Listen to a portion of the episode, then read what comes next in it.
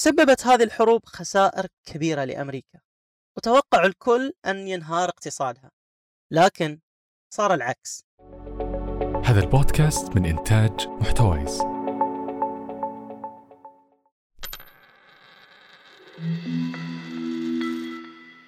من مكاين الخياطة وحتى ضريبة القيمة المضافة. أنا حسن علي وهذا بودكاست قرش. البودكاست اللي نستعرض فيه التجارب والقصص وأحيانا الهفوات وأحيانا البقعات. ونفسرها بعين اقتصادية لأن الاقتصاد أكثر من مجرد ريالات نوفرها بجيوبنا.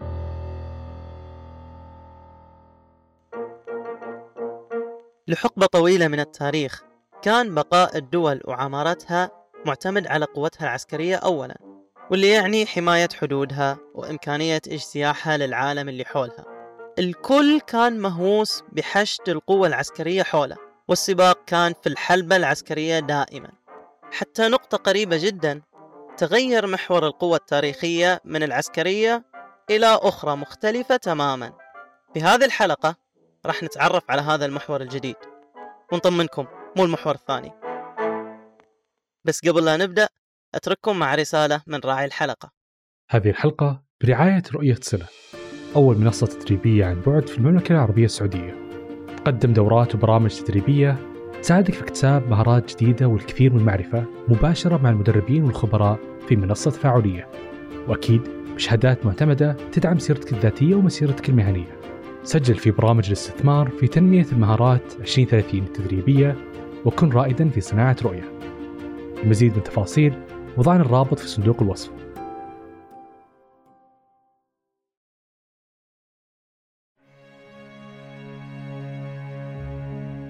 تخيل تصحى من نومك على نهاية حرب عالمية. تحصل نفسك وسط دمار شامل وفقر مميت. تتمنى وقتها أن يكون معاك عصا سحرية. تصنع فيها معجزة تغير حال بلدك.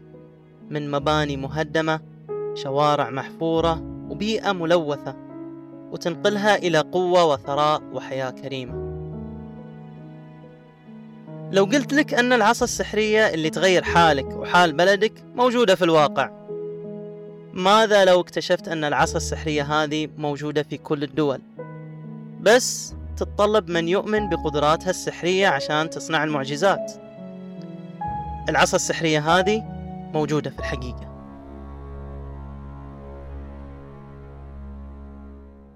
أول شيء خلنا نستعرض لكم نماذج لاقتصاد دول شاركت في أكبر حرب عرفها التاريخ وهي الحرب العالمية الثانية. بدأت الحرب عام 1939 ميلادية وكانت بين دول الحلفاء الولايات المتحدة الاتحاد السوفيتي والصين وغيرها من الدول.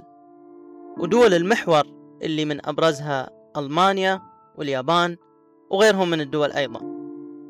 دامت الحرب مدة ستة سنوات وانتهت بانتصار دول الحلفاء وهزيمة دول المحور. طبعا كان فيها خسائر ضخمة لجميع الأطراف وأهمها الخسائر البشرية اللي تجاوزت 60 مليون شخص. خلونا نتكلم على شغلة مهمة في الاقتصاد ألا وهي المؤشرات الاقتصادية أو Economic Indicators. هي عبارة عن أرقام ناتجة من حساب معادلات محددة بتعطينا معنى محدد للاقتصاد. وظيفتها تعطينا نظرة إجمالية على اقتصاد بلد معين في فترة زمنية معينة. كل مؤشر اقتصادي بيساعدنا نفهم حالة محددة في البلد زي البطالة معدل التضخم والإنتاج المحلي والواردات والصادرات وغيرها كثير. ولما نجمع عدة مؤشرات اقتصادية تكون الصورة عندنا أشمل وأوضح.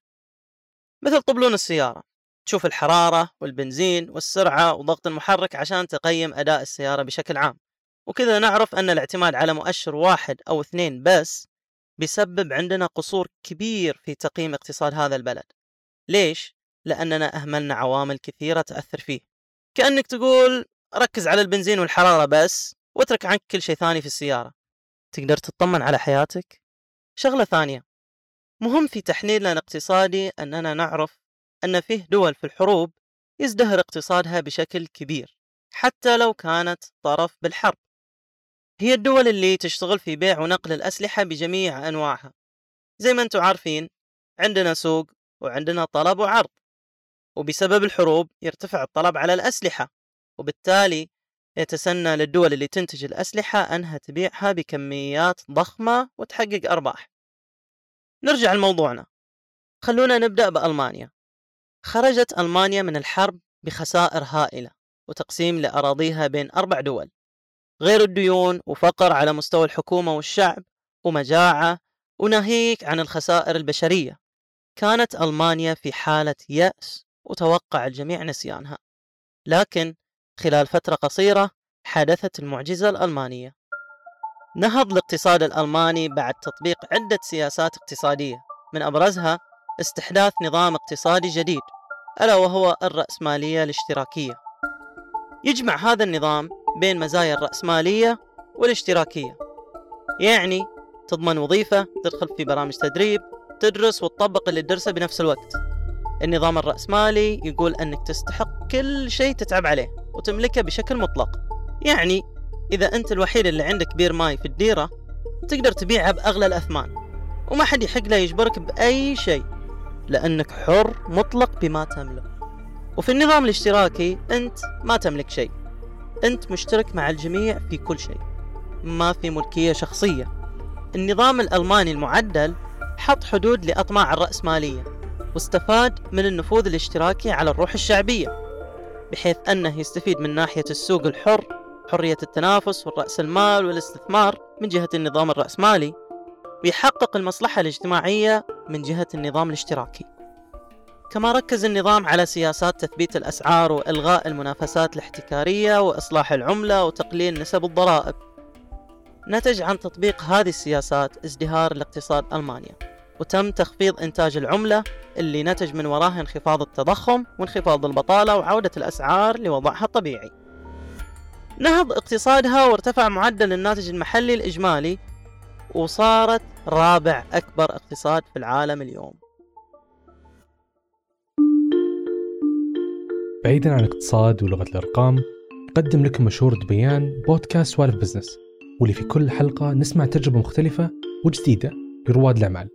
بدون مجاملات ولا تنظير.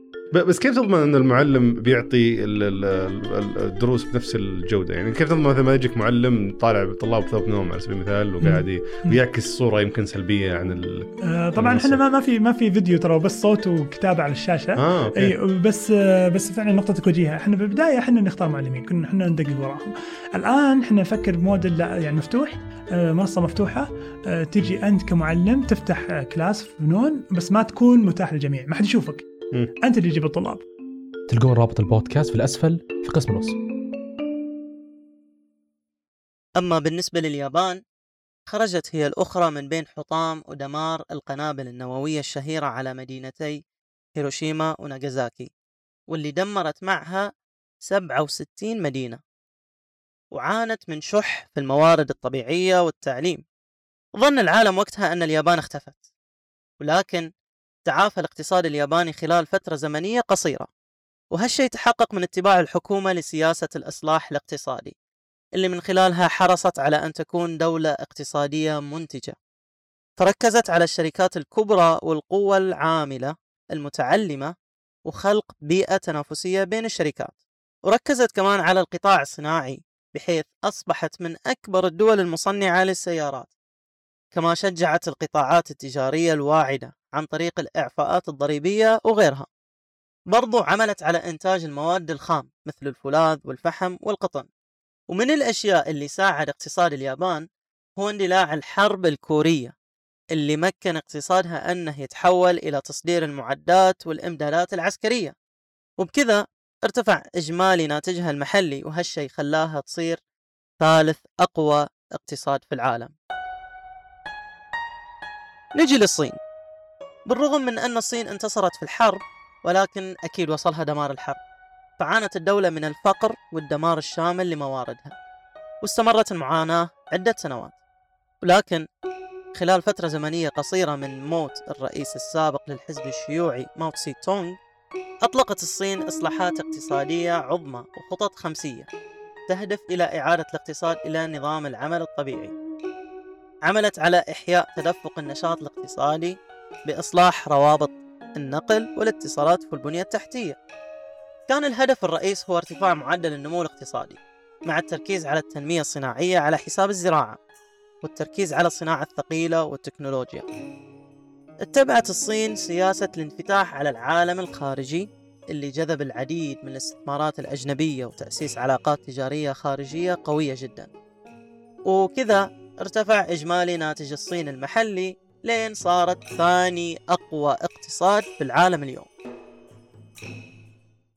آخر دولة بنتكلم عنها هي القوة العظمى الأولى وهي الولايات المتحدة الأمريكية اللي شاركت في العديد من الحروب من بعد الحرب العالمية الثانية زي الحرب الباردة مع الاتحاد السوفيتي وحرب فيتنام وحرب الخليج. سببت هذه الحروب خسائر كبيرة لأمريكا وتوقع الكل أن ينهار اقتصادها لكن صار العكس. طبقت العديد من السياسات للنهوض باقتصادها منها إلغاء الملكية الحكومية للموارد وإعطائها هدية بأبخس الأثمان للقطاع الخاص والشركات وتقنين أسعار المنتجات أكثر تخفيض معدلات الضرائب. وهذا خلى القطاع الصناعي يزدهر أكثر فأنتجت السيارات ودخلت لعالم الصناعات الجديدة مثل الطيران والإلكترونيات. برضو ازدهر قطاع الإسكان اللي تم تحفيزه جزئيا عن طريق الرهون العقارية. وبكذا ارتفع إجمالي ناتجها المحلي وصارت أقوى اقتصاد في العالم اليوم. الحروب سابقا كانت هي الحافز للإبداع والاختراع للأسف. مثل ما صار مع الدول اللي ذكرناها أثناء وبعد الحرب العالمية الثانية.